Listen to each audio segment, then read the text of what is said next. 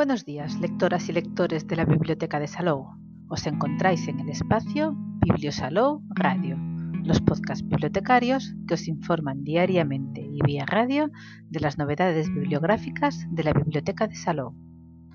Los podcasts de los miércoles os hablarán de lo que podemos encontrar en las redes sobre una de las novedades de narrativa en castellano del próximo mes de abril. Y hoy, 3 de marzo, os presentamos la novela el baile de las locas de Victoria Más.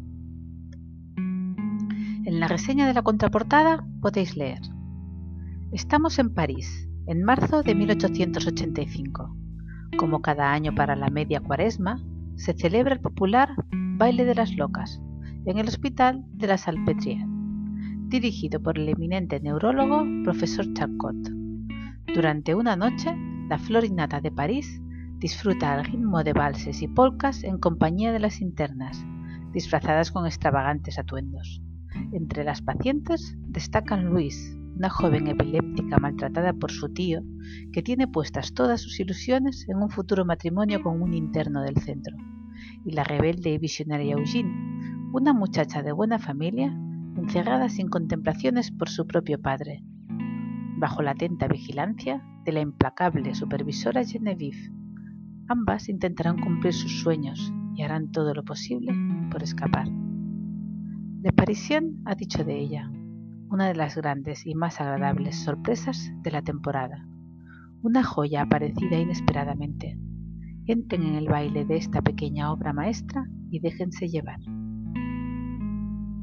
En la página web laslibreriasrecomiendan.com, Chiara de Ledone, de la librería Diógenes, hace una reseña muy interesante sobre la obra. El Hospital Psiquiátrico de la Salpêtrière, a finales de 1800, es un vertedero de mujeres que ponen en peligro el orden social, un asilo para aquellas cuya sensibilidad no responde a lo esperado, una cárcel para las culpables de tener una opinión, en una sociedad dominada por los varones, los padres y los maridos. Entre sus tristes muros conviven mujeres de toda procedencia, condición de salud y estrato social, esposas que se rebelan frente a la indiferencia, el maltrato o la traición de sus maridos, viudas acusadas de ser demasiado melancólicas, prostitutas forzadas a vivir en la calle desde niñas, jóvenes enfermas de epilepsia. En este lugar plúmbeo, donde el tiempo se detiene, son despojadas de todo cuanto llenaba sus vidas, su casa, su familia, su ropa, sus libros, su intimidad.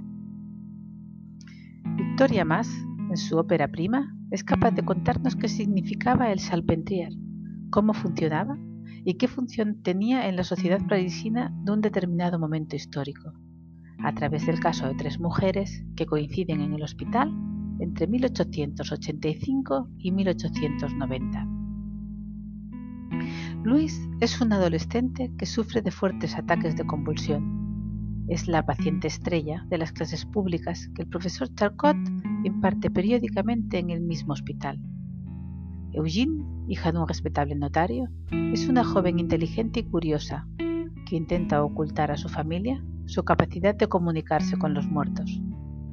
Genevieve es la supervisora del centro, una mujer pragmática y distante que ha dedicado toda su vida a la medicina.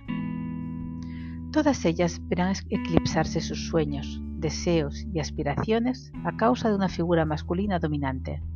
Serán aisladas, apartadas de su entorno, y sus opiniones serán ignoradas. Serán unas víctimas más de un tiempo cruel. Victoria Más no se deja ver demasiado en las redes sociales, pero podemos saber algo más de ella gracias a las pocas entrevistas que ha dado a medios españoles. Más, hija de la cantante franco-española Jean Mas y nieta de españoles, se formó en filología obteniendo un máster en letras modernas en la Sorbona. Su vida profesional ha estado dedicada principalmente al mundo del cine. Estaba a punto de abandonar sus ambiciones literarias cuando publicó en 2019 su primera novela, Val des Folles, que fue recibida por el aplauso de la crítica y galardonada con premios como el Renaudot des Lycées. Año y medio después de su publicación en Francia, hay previstas 22 traducciones en todo el mundo. Salamandra lo publica en castellano y catalán, y la actriz francesa Melanie Laurent, conocida por Inglorious Bastard o Enemy, prepara una adaptación para la gran pantalla. Más nos explica la razón del éxito de su libro, que en poco más de 200 páginas permite al lector hacerse una idea de lo que era ser mujer en el París de finales del siglo XIX. La escritora, que trabaja ahora en su segunda novela, aunque confiesa que el contexto epidémico pone su creatividad a prueba, ve vínculos en su historia y la actualidad, donde la palabra histérica ha perdido su uso médico para convertirse en una forma de descalificar a las mujeres. Y hasta aquí el podcast de hoy. Pero tenemos más novedades de narrativa en castellano que iremos descubriendo cada miércoles a las 11. Que tengáis muy buen día y muy buenas lecturas que os acompañen en el día a día.